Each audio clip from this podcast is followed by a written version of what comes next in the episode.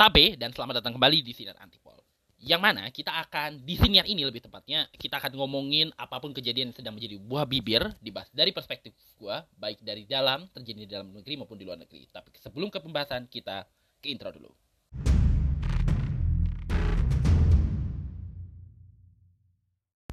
Dan kali ini kita akan ngomongin tentang Rohingya, lebih tepatnya pengungsi Rohingya pengungsi uh, dari kalangan etnis Muslim Rohingya yang dulunya menuai simpati, sekarang uh, eh, gue kalau mau gak mau bilang dibenci mungkin ada resistensi dari sekelompok pihak dengan memanfaatkan masifme media sosial dan nampaknya mencoba menunggangi atau mungkin juga memanas-manasi situasi politik saat ini dengan menggunakan narasi seakan-akan uh, gelombang pengungsi Rohingya yang muncul di Aceh yang jumlahnya mungkin tidak banyak. Mungkin dalam kisaran ratusan, dua ratusan gitu ya. Sebagai ancaman nasional. Dan akhirnya menimbulkan reaksi uh, terusnya terjadi eh, gue mengistilahkannya kayak upaya eh, membelokkan masalah pengungsi Rohingya dari yang awalnya adalah isu kemanusiaan tentang orang-orang yang terdampak konflik sektarian gitu ya. Uh, yang mana atau mungkin bisa kita katakan konflik politik yang berdampak negatif ke mereka gitu ya berdampak tidak baik gitu ya di mana mereka jadi mangsa keadaan lah kambing hitam istilahnya gitu ya. Beralih menjadi sebuah ancaman nasional.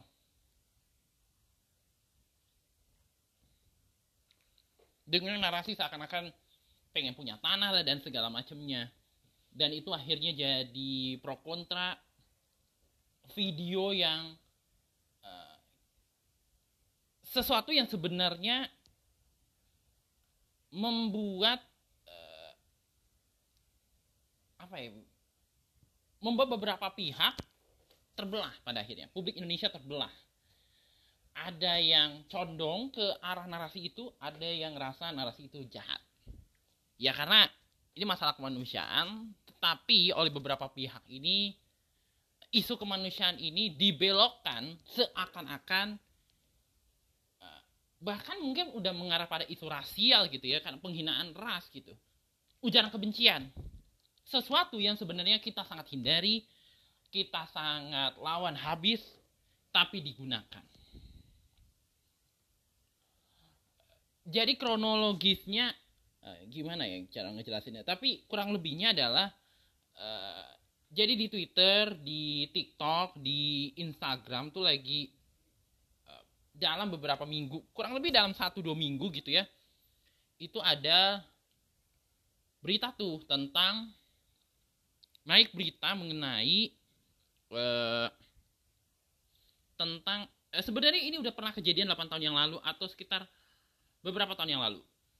Jadi uh, mungkin kalau kita mau tarik lebih mundur lagi ya uh, tentang Rohingya, jadi ada satu kaum nih di Myanmar. Myanmar ini ya seperti banyak negara pasti memiliki ras suku yang memang udah mendiami negara itu selama bertahun-tahun. Nah, di antara ratusan ini ada satu etnis namanya etnis Rohingya. Mayoritas beragama Islam. Uh, ini kayak Tiongkok juga lah di mana ada beberapa ras tertentu yang juga beragama Islam. Ada etnis apa gitu di Tiongkok yang dia pengikutnya uh, muslimnya dari er, uh, udah mengikuti agama itu dari dari buyutnya yang juga salah satu tokoh yang cukup tokoh dermawan Tionghoa yang cukup kita kenal juga Muhammad Cheng Ho atau Laksamana Cheng Ho. Ada juga yang dari Turki dikenal dengan etnis Uighur namanya. Nah ini etnis Rohingya ini agak uh, secara dari warna kulit bentuk fisik dan segala macamnya lebih mendekat ke Bangladesh. Uh, agak benggala memang rada-rada benggala. Dan ya mirip warga Bangladesh pada umumnya dan kebanyakan beragama Islam mereka ini mengalami diskriminasi. Eh, dan gua notice pertama kali soal Rohingya ini tuh 2012 uh, kala itu uh, keluarga di lingkungan keluarga gua kan anak-anaknya udah pada produktif hampir semuanya udah pada produktif semua gitu ya. Adik gue dua SD gua SMP negeri ketika itu kakak gua kuliah. Nah karena tugas-tugas SMP SD dan kuliah ini mulai menggunakan uh, perangkat komputer gitu ya dan kayaknya kalau misalnya harus menggunakan ngetik-ngetik di warnet atau apa pun pasti keluar biaya. Diputuskan dari bokap untuk beli komputer. Uh, terus juga langganan minta bantuan kakak gue untuk langganan uh, uh, internet service provider ISP sekalian juga langganan TV nah terus akhirnya kami masang internet. Dari situ banyak sekali informasi berkaitan dengan sekitar kita. Uh, dunia maya bahkan kayak itu adalah tahun-tahun di mana gue banget aktif sekali di medsos. Bener-bener punya dulu kan uh, belum ada Instagram belum kayak sekarang. TikTok juga belum ada sama sekali di Indonesia. Uh, ada ya Facebook sama Twitter. Facebook itu kayak uh, jatuhnya tuh kayak uh, laman sosial berbagai kalangan. Udah udah menyentuh uh, Facebook itu pada saat itu udah udah menyentuh ke kalangan grassroots saat itu. Udah. Kalangan kelas menengah bawah itu udah. Pasti semuanya punya Facebook walaupun tidak semua. Twitter kebanyakan penggunanya itu kalangan kelas menengah. Agak menengah tengah-tengah dan menengah ke atas. Jadi waktu itu gue punya Twitter itu udah kayak udah orang berkelas aja gitu padahal ya orang biasa gitu ya. Nah dari situ gue mulai sering dapat info-info. Bahkan waktu itu juga keramaian Palestina keramaian pertama kali Jakarta itu juga dari Twitter ya. Ya bahkan Jokowi kan salah satu yang bikin dia naik kan Twitter juga ya. Salah satu yang membetot perhatian gue adalah Rohingya. Jadi intinya pada saat itu tuh ada gambar. Gambar itu ada satu kepingan gambar yang uh, dari sebuah akun atau situs uh, gue lupa tapi dinarasikan sebagai korban pembakaran massal jadi orang Rohingya yang didiskriminasi uh, mengalami penyiksaan pembunuhan terus dibakar hidup-hidup lah gitu kurang lebihnya. Mayatnya dibakar sampai hang gosong. Dan itu kan foto kadang-kadang tuh kita sering ya merasa bahwa kayak visual sadis tuh uh, kalau kita berkaca ya gak usah jauh-jauh lah berkaca ke Gaza aja ya. Itu Gaza yang kemarin. Itu kan foto-foto sadis itu kan kadang-kadang kelihatan agak sensitif gitu. Tapi oleh beberapa pihak uh, kebanyakannya sih adalah untuk digun uh, sering menggunakan visual-visual mengerikan itu tuh ya antara untuk me, a, arah tujuan memprovokasi ya berarti ada apa ya memantik uh, simpati publik gitu ya atas penderitaan dialami B ya, sebagai orang-orang yang ingin mengumpulkan dana sosial gitu ya untuk kemanusiaan mereka mesti nunjuk bukti dong kalau uh, istilahnya tuh terjadi sesuatu. Nah, saat itu lembaga-lembaga sosial di Indonesia juga udah mulai ada perhatian terhadap Rohingya saat itu. Dan beberapa gambar-gambar kekerasan yang agak uh, agak agak gimana gitu ya itu sering digunakan. Nah isu Rohingya mulai pertama kali itu denger di ini gua. Terus uh, jadi kembali jadi notice gua tuh waktu ada salah satu tokoh yang menggelorakan kebencian terhadap Rohingya namanya Wiratu Aishin Wiratu seorang biksu Wiratu. Itu muncul di, di majalah Time dan Time menyoroti soal aksi dia yang dianggap uh, menebar ter menjadi pemicu gerakan teror lah terhadap Rohingya ketika itu. Nah, dia jadi makin meluas setelah 2015, yaitu pertama kali gelombang pengungsi Rohingya muncul. Uh, dan itu akhirnya jadi gelombang terbesar itu ya. Pertama kali Aceh nangani Indonesia secara khususnya menangani Rohingya karena dan membuat perhatian masyarakat terhadap Rohingya itu jadi besar dan solidaritas publik gitu jadi meningkat terhadap penderitaan mereka karena mereka mengalami kekerasan dan segala macamnya. Termasuk tahun 2017 yang memuncak di 2017 uh, pemerintah Myanmar saat itu benar-benar udah remuk, remuk banget pada saat itu. Uh, padahal Myanmar dulu tuh mendapat yang awal dapat pujian dunia, dapat simpati dunia karena perjuangan pro demokrasinya. Citra yang dibangun citra demokrasi yang dibangun oleh oposisi saat itu NLD gitu yang berkuasa ketika itu tuh rusak. Kayak remuk redam gitu akibat ulah beberapa ulama-ulama uh, apa ya pemuka Buddha yang fanatis ini. Yang salah satunya adalah si Wiratu ini. Uh, bahkan Suki itu sampai dicabut beberapa gelar perdamaian negara-negara masalah Rohingya. Nah 8 tahun setelah itu isu Rohingya mencuat kembali tapi mencuatnya ini berbarengan dengan sesuatu gue lagi coba membuka uh, pembicaraan ya di media sosial. Uh, jadi kan si masalah Rohingya ini kan akhirnya uh, jadi bahasan tuh di lini masa. Nah di TikTok itu muncul kayak beberapa video yang seakan-akan menunjukkan resistensi terhadap Rohingya, terhadap kedatangan pengungsi Rohingya. Dasarnya adalah uh, jadi ada video dari Malaysia yang mana ada seseorang uh, kita bisa bilang dinarasikan gitu ya uh, kayak apa sih istilahnya gimana cara ngejelasinnya ya kayak dia datang nih untuk ya bermaksud untuk mencari perlindungan daripada mengalami kekerasan di sana. Terus masyarakat Malaysia membantu tuh. Terus alih-alih mendapatkan bantuan eh, dapat bantuan banyak sekali. Tapi ternyata eh, konon kabarnya konon katanya ini tuh apa ya kayak istilahnya ingin yang lain. Bahkan sampai kata ingin punya tanah dan segala macamnya uh, ingin punya tempat tinggal lah dan ingin punya pekerjaan. Isu ini pernah muncul waktu tahun waktu zaman-zaman eh, pandemi tahun 2020 di Malaysia. Bahkan sampai jadi ribut waktu ada dokumenter Al Jazeera soal itu. Nah, di Indonesia narasi yang apa istilahnya hati-hati terhadap pengungsi Rohingya yang boleh jadi bisa bikin ulah ini muncul lagi.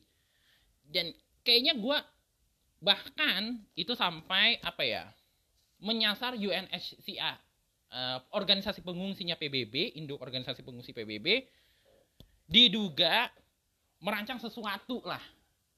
Seakan-akan si Rohingya ini ingin menguasai Indonesia gitu kurang lebihnya. Dan apalagi Aceh yang kita tahu dulu kita tahu dulu adalah salah satu wilayah konflik di Indonesia. Dan prediksi gua uh, ini dugaan gua ya uh, apa ya gimana cara ngejelasinnya? Istilahnya itu ada video-video yang narasinya kira-kira gini hati-hati. Ini ya mereka terlihat seperti pengungsi tapi padahal mereka ini diperalat oleh yang dikatakan sebagai UNHCR untuk apa sih namanya kepentingan untuk mengganggu stabilitas nasional lah di Aceh karena yang mana narasinya itu uh, curiga gua, prediksi gua ini ada kaitannya dengan situasi politik di Indonesia saat ini. Uh, ada usaha untuk apa ya? Bukan usaha ya. Jadi ada kekhawatiran peng, uh, ada dia kalangan netizen ini maksudnya dia mau menjelaskan kekhawatiran dia, mungkin ya, mungkin walaupun boleh jadi salah juga. Dia ada kekhawatiran ya walaupun mungkin berlebihan gitu ya agak berlebihan dan terhadap kedatangan gelombang pengungsi ini di tengah situasi politik nasional ditambah lagi Aceh adalah salah satu wilayah yang bisa dibilang zona panas lah gitu ya zona rawan lah pemilu karena ada pertarungan partai politik nasional partai politik Aceh plus Aceh ini kan dulu juga ada konflik kan konflik politik yang uh, bermotifkan separatisme. Yang sebenarnya kalau kita menilai secara lebih dalam lagi ini ada kaitannya dengan uh, kerenggangan hubungan pusat dengan uh, tokoh Aceh gitu tentang keadilan eh keadilan apa sih namanya keseragaman perlakuan lah gitu kurang lebihnya. Yang yang mana Daud Bereh kemudian melakukan pemberontakan gitu ya karena merasa Jakarta pemerintah pusat di Jakarta ketika itu nggak tahu terima kasih gitu melakukan pemberontakan. Uh, terusnya muncul gerakan Aceh Merdeka dan yang akhirnya uh, terjadi konflik daerah operasi militer uh, banyak yang terjadi apa ya kayak pembersihan yang menimbulkan beberapa kasus pelanggaran HAM yang kemudian di awal tahun ini pemerintah mengakui adanya pelanggaran HAM itu ya dan akhirnya ada harus membayar mahal lah untuk memulihkan kembali mereka yang terdampak. Nah,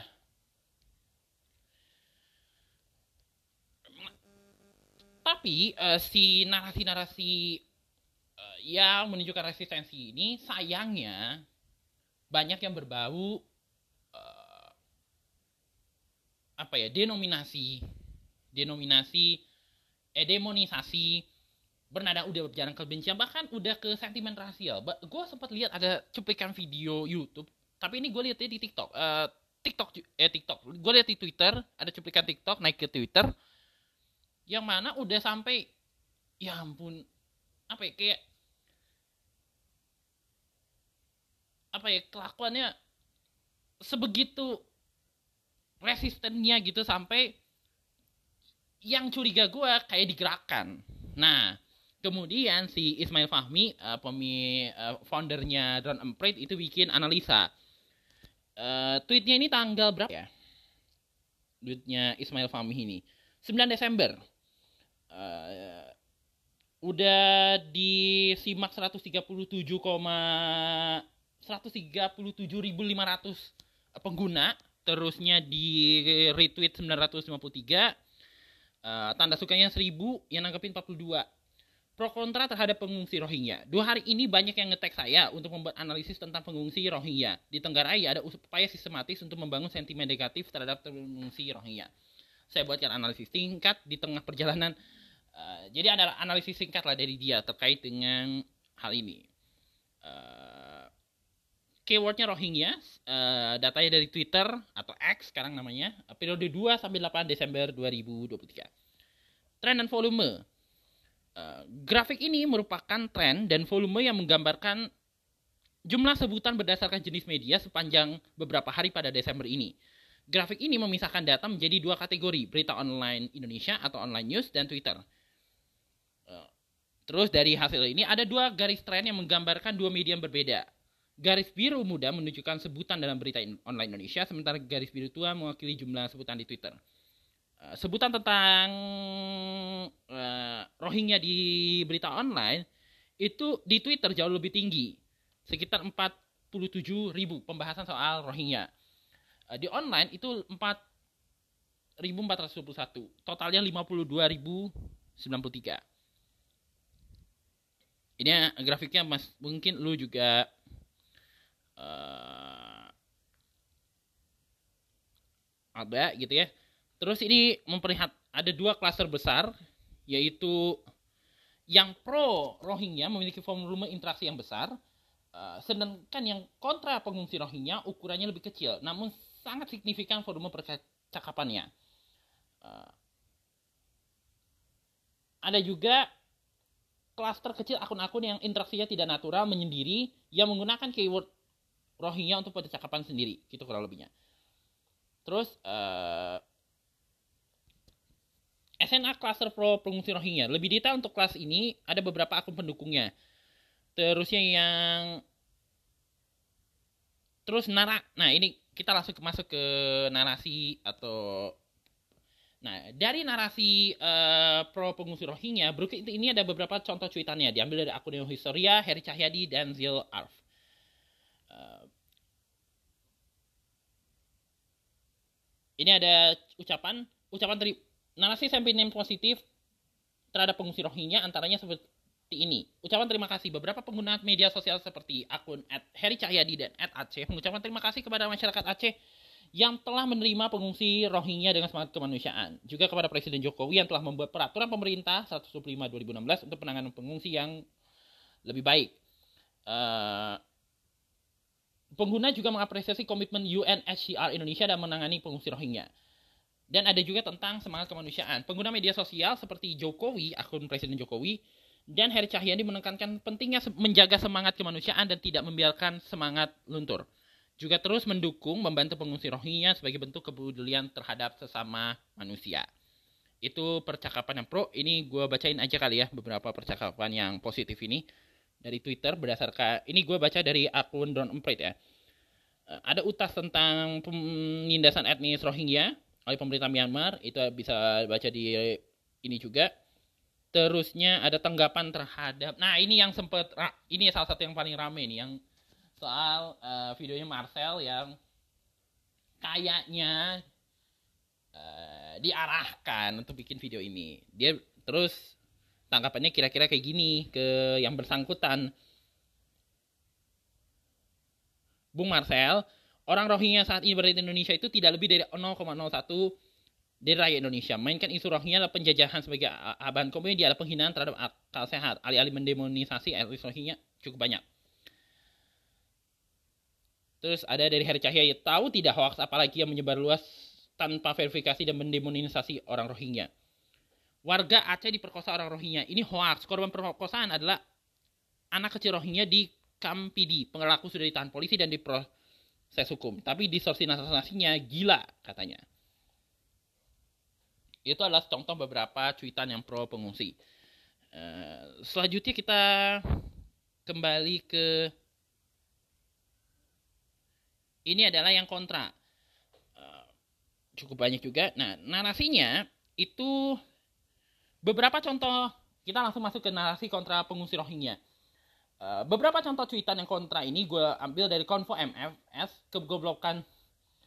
Ini akun-akun aneh ini semua. Hera Lubis dan Valhalla. Berikut adalah analisis percakapan yang menunjukkan sentimen negatif terhadap pengungsi Rohingya. Politisasi isu, beberapa pengguna media sosial mencurigai ada bahwa isu Rohingya telah dipolitisasi dan digunakan sebagai alat untuk menyerang salah satu calon presiden.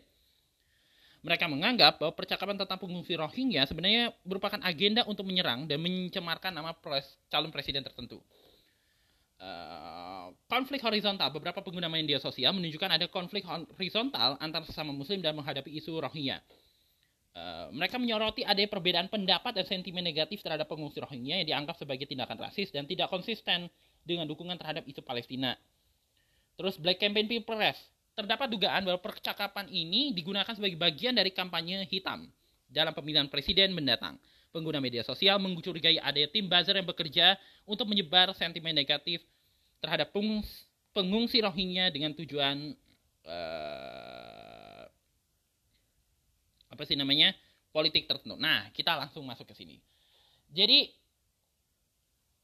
kan tadi gue bilang bahwa ada narasi negatif yang seakan-akan menganggap uh, Rohingya sebagai ancaman. Salah satunya ini yang paling gue nggak tahu ini kocak apa memprihatinkan atau gimana. Gue nggak tahu ini akun terkenal atau enggak, tapi uh, maksudnya punya followers juga kah di Twitter atau gimana, tapi dia menghubung-hubungkan masalah Rohingya dengan Indonesia 2045.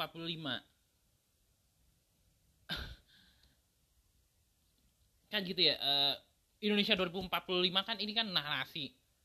Uh, nampaknya ini narasi kita semua ya cuma ya mungkin bagian dari salah satu narasi negatif yang kemudian dibahas oleh pengguna Twitter ini. Uh, gua nggak tahu kenapa apakah itu bagian dari uh, tapi narasi-narasi ini yang kemudian justru membuat alih-alih membuat publiknya apa ya menunjukkan uh, bahwa ini gak benar dan bla bla bla segala macam gitu Fafi was was was was was was gitu ya terhadap masalah Rohingya uh, dan segala macamnya gitu ya justru berujung kebencian salah satunya adalah uh, narasi kebencian itu uh, salah satu polanya dengan membuat akun palsu UNHCR yang uh, apa sih istilahnya uh, digunakan untuk melakukan memicu kampanye negatif tersebut. dan membuat nara yang menimbulkan narasi-narasi yang uh, negatif lah terhadap Rohingya yang nampaknya curiga gua digerakkan. Nah, kita bahas nih beberapa masalah uh, narasi-narasi negatif Rohingya ya dari sisi uh, warganet ya karena ya ini cukup kental sekali pembahasan dan masih ber bahkan sampai gua ngerekam ini pun masih bertebaran masalah ini. Kita bahas. Yang pertama soal politisasi isu. Uh, politisasi isu itu nah, politisasi isu dan black campaign pilpres. Dua hal ini sempat ke pantau sama gua karena ada pengguna Twitter yang nampaknya menggunakan ini untuk apa ya menjatuhkan salah satu pihak. Dan pihak ini ya kita bisa anggap adalah calon yang sering dinarasikan pro politik identitas dan segala macam ya. Ya lu tak ya ya aja lah siapa orang itu dan terus dikait-kaitkan dengan hal-hal yang nampaknya ya firmongeringnya mereka soal uh, nanti akan ada program yang dihentikan dan bla bla bla segala macam ada yang mau dirusak lah dimusnahkan lah. Salah satu yang jadi mainan mereka adalah soal uh, Indonesia 2045 kan uh, pemerintah sekarang ini lagi menyusun uh, RPJP 2025 2045 untuk yang tujuannya adalah untuk melengkapkan agenda visi Indonesia Emas. Nah, salah satunya adalah untuk menjadi negara yang adidaya gitu kurang lebihnya. Nah, kenapa dihubung-hubungkan dengan isu ini? Karena penduduk Rohingya itu kan orang luar ya. Di mata uh, orang-orang haters-haters ini ya, orang-orang haters dan terpaksa haters karena suruhan kelihatannya uh, pengungsi Rohingya ini ya tidak lebih seperti lu menetap terusnya lu dikasih warga negara dan bla dan bisa melakukan hal yang ujungnya pasti bikin negara kayak Israel jatuhnya kasusnya. Tapi narasi itu diekspresikan uh, reaksi atas narasi itu diekspresikan dengan hal-hal yang berbau kebencian pada akhirnya. Dan yang ujungnya ya nyari kambing hitam. Yang pasti ini ada kaitannya dengan uh, serangan ke salah satu calon yang berkontestasi. Siapa lagi kalau calonnya itu? Ya calon yang dianggap tidak apa ya narasinya tidak narasi keberlanjutan nah itu menanggapi dan menggunakan kambing hitam dengan melakukan hal-hal yang uh, tidak pantas aja salah menurut gue. Apalagi menarasikannya dengan menggunakan memperalat UNSCR. Organisasi dunia loh. Seakan-akan UNSCR ada agenda terselubung dengan uh, gelombang pengungsi Rohingya. Uh, walaupun dari sisi pemerintah melihat bahwa ini sebenarnya isunya kemungkinan ada pihak-pihak uh, ya kita sebut anasir lah gitu ya yang mencoba memanfaatkan situasi dengan uh, ya mungkin memanfaatkan kelengahan pemerintah yang lagi fokus dengan persiapan pemilu untuk membawa orang-orang Rohingya gitu dengan tujuan untuk diselundupkan yang mana uh, dari sisi Presiden Jokowi udah udah speak up bahwa uh, tentu penanganan kemanusiaannya tidak ada masalah, tapi upaya untuk menyelundupkan mereka ini yang perlu, perlu diperhatikan. Nah, narasi jahat dari pihak-pihak netizen ini menganggap UNHCR ini ada ya terselubung. Nah, si UNHCR-nya sampai buat klarifikasi di Twitter. Ini gue lagi baca ini gue buka juga twitternya soal si UNSCR ini karena kan mereka juga tentu kan UNHCR kan kalau menangani pengungsi ya pasti tujuannya adalah kemanusiaan nggak ada hal lain gitu ya tapi karena denomina demonisasinya ini udah agak tolol ya menurut gua. Kalau mau bahasa kerasnya tolol banget gitu ya. Dan banyak akun-akun ternak dan kita tahu TikTok kan kadang-kadang FYP-nya itu memang mengerikan. Mereka bikin klarifikasi di Twitter.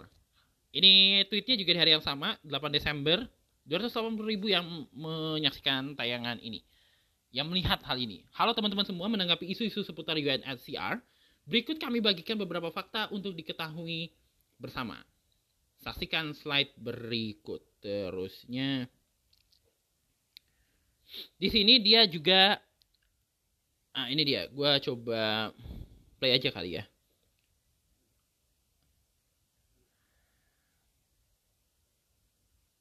ya ini adalah fakta-fakta yang perlu diketahui mengenai kewajiban pengungsi dan mandat UNSCR. Ini gue baca dari uh, satu, meskipun Indonesia bukan negara penanda tangan konvensi pengungsi tahun 1951, namun pasal 28 UUD 45 mengakui hak untuk mencari suaka bagi semua orang. Sebagai negara yang mengakui universal Deklarasi Universal Hak Asasi Indonesia, Indonesia terikat oleh pasal 14 yang secara spesifik menyebutkan hak untuk mencari suaka atau perlindungan dari penganiayaan. Dengan demikian, meskipun bukan negara pihak Konvensi Pengungsi, Indonesia memiliki kewajiban untuk memberikan perlindungan bagi pengungsi sebagaimana dimandatkan dalam hukum dalam negeri dan komitmen internasionalnya. Kemudian, ini gue bacain lagi. Eh, dua, selain itu sebuah peraturan spesifik tertuang dalam peraturan presiden tahun 2016 yang mengatur kewajiban Indonesia. Eh, ini ini udah tadi jelasin ya di situ. Dan di sisi lain bahkan tanpa dengan kerangka itu pun filosofi Indonesia juga yaitu Pancasila adalah berdasarkan pada gagasan kemanusiaan, yaitu sila kedua Pancasila kemanusiaan yang adil dan beradab.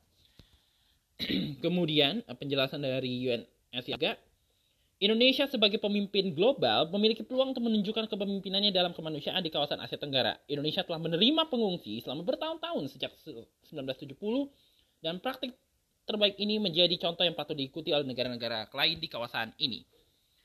Terusnya atas permintaan pemerintah UNHCR hadir mewakili Indonesia di Indonesia dan mewakili pemerintah Indonesia dimandatkan memberikan bantuan dan perlindungan kepada pengungsi di negara ini. Di lapangan kami, eh, mereka bekerja sama dengan, ko dengan koordinasi erat bersama pemerintah baik di tingkat nasional maupun regional.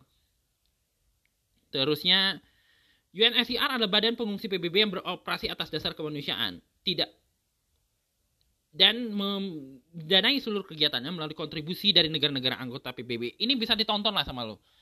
Terus mereka nulis lah. Berhati-hatilah terhadap akun palsu yang mengatasnamakan UNSCR berikut karena kanal informasi resminya. Eh, bisa lo lihat di Instagramnya, di Twitternya mereka, di Instagramnya juga. Tapi intinya, UNHCR itu sudah bertindak benar, gitu kurang lebihnya, dalam menangani isu Rohingya dan isu pengungsi.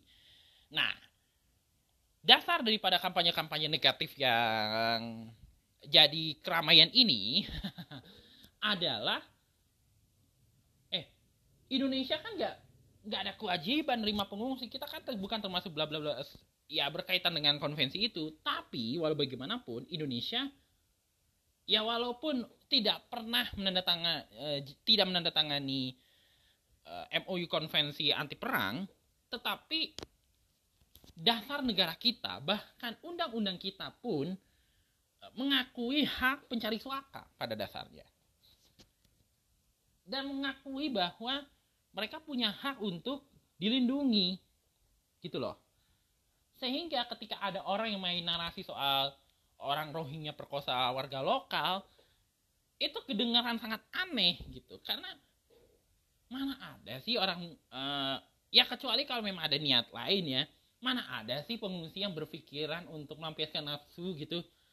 Jangankan melampiaskan nafsu aja mikirin perutnya sendiri aja kadang-kadang.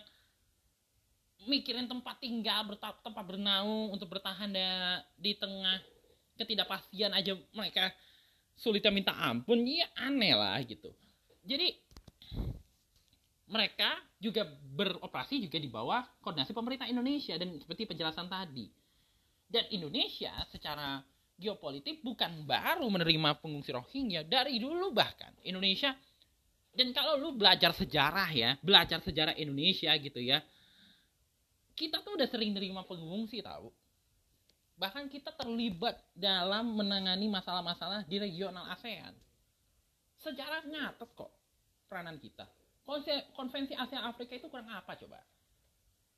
Salah efek dari konferensi Bandung KA1 banyak negara-negara yang merdeka. Aljazair apalagi uh, Mozambik apalagi Sudan.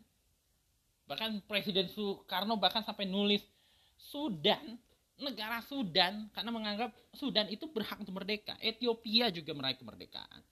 Terusnya uh, Tunisia setahu gue juga efek dari deklarasi itu. Nigeria juga seperti itu. Kenapa? Karena semangat Bandung, Afrika aja bahkan sampai bikin patung tuh Soekarno. Nama Soekarno diingat karena kebesaran hati kita untuk membantu dunia. Kita udah berperan dalam menjaga perdamaian dunia, menjaga kemanusiaan dengan melakukan diplomasi-diplomasi ini. Alangkah disayangkan ketika ada segelintir pihak, kebanyakan yaitu intelektual, justru sekarang atas nama nasionalisme dan kepentingan sesaat melakukan hal-hal yang aduh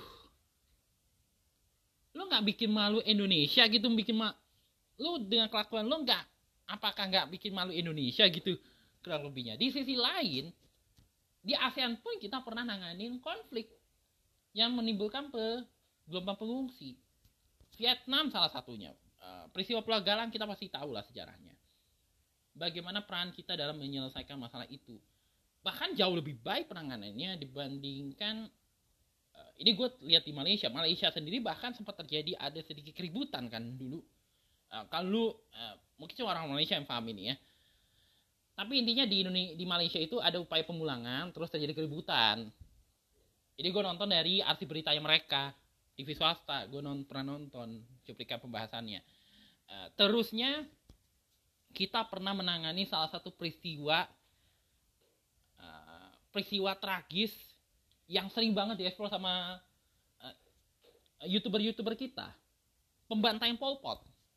Diselesaikan uh, apa sih konflik Pol Pot dengan kelompok perkerajaan itu diselesaikan oleh Indonesia salah satunya yang menginisiasi. Jakarta Informa Meeting namanya. Bagaimana supaya orang-orangnya Pol Pot ini mau mengalah gitu, memberikan uh, mau gencatan senjata gitu, mengakhiri uh, kejahatan kemanusiaan yang membunuh banyak orang. Yang sejarahnya mungkin lu juga sering nonton.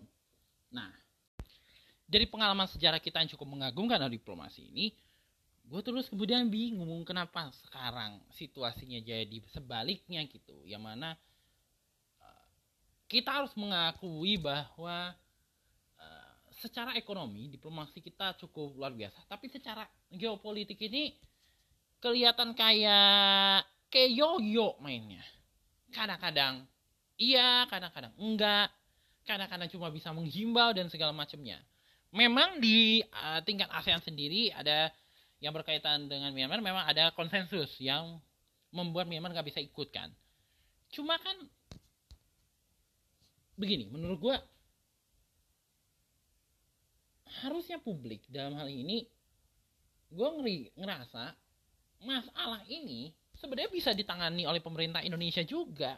Indonesia sebagai dengan perannya sebagai negara muslim berpenduduk terbesar eh, salah satu kekuatan muslim yang cukup diperhitungkan dunia bisa memanfaatkan situasi uh, perannya mereka terutama sebagai negara terbesar di ASEAN untuk menangani problema Rohingya ini termasuk yang secara tidak langsung juga bisa menangani masalah Myanmar. Bukan justru menjauhkan Myanmar dari upaya penyelesaian konflik horizontal mereka. Dan ya tentu bukan dalam maksud intervensi tapi memfasilitasi dialog supaya eh, masyarakat Rohingya ini tidak harus terus-menerus eh, terjebak dalam situasi tidak pasti yang malah membuat oknum-oknum ini jadi memanfaatkan mereka demi keuntungan pribadi, ambisi dan segala macamnya.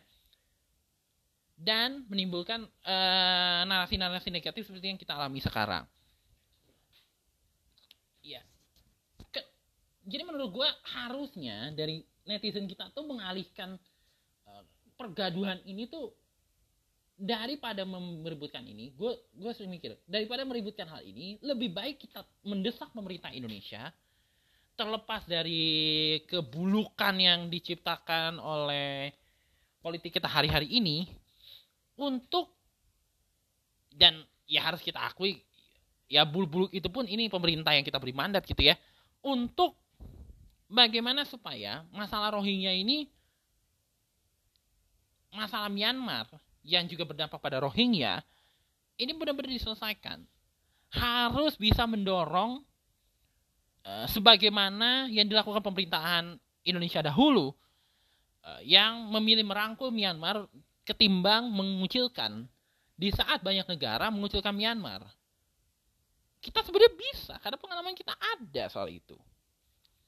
Cuma masalahnya kita mau atau enggak menyelesaikan masalah ini bila ada kemauan untuk menyelesaikan problema yang terjadi, memfasilitasi dialog untuk menyelesaikan problema yang ada di Myanmar, secara secara tidak langsung kita juga bisa uh, memfasilitasi penanganan juga penyelesaian konflik di antara masyarakat Myanmar dengan Rohingya. Sehingga masyarakat Rohingya ke depannya bisa menikmati kehidupan, menjalani kehidupannya sebagai muslim, Eh, menjalani kehidupannya sebagai warga negara dengan baik uh, tidak lagi ada diskriminasi yang bahkan seperti kematian di ujung mata gitu. Dan uh, tidak ada lagi ya eksploitasi berlebihan seperti yang kita lihat hari ini gitu. Dan masalah gelombang pengungsi Rohingya ini kita akui ada sisi lemah kita uh, ada sisi dua muka kita berkaitan dengan ini yang mana ini harus kita perbaiki sama-sama. Kalau kita bisa simpati bisa peduli terhadap orang Palestina apalagi dengan orang Rohingya. Masalah Palestina dan Rohingya itu sama. Konflik kemanusiaan pada dasarnya. Harusnya kita kembali menempatkan masalah Rohingya ini kepada ya bahwa ini masalah kemanusiaan bukan masalah jual tanah dan bla bla bla segala macem gitu. Dan kalau kita bisa menempatkan itu dengan baik, sebagaimana kita menempatkan isu roh uh, Gaza sebagai isu kemanusiaan, gue yakin bahwa uh, problema ini bisa diatasi tanpa melibatkan kebencian atas nama politik. Dan set, dan narasi-narasi negatif ini perlu ditindak tegas menurut gue.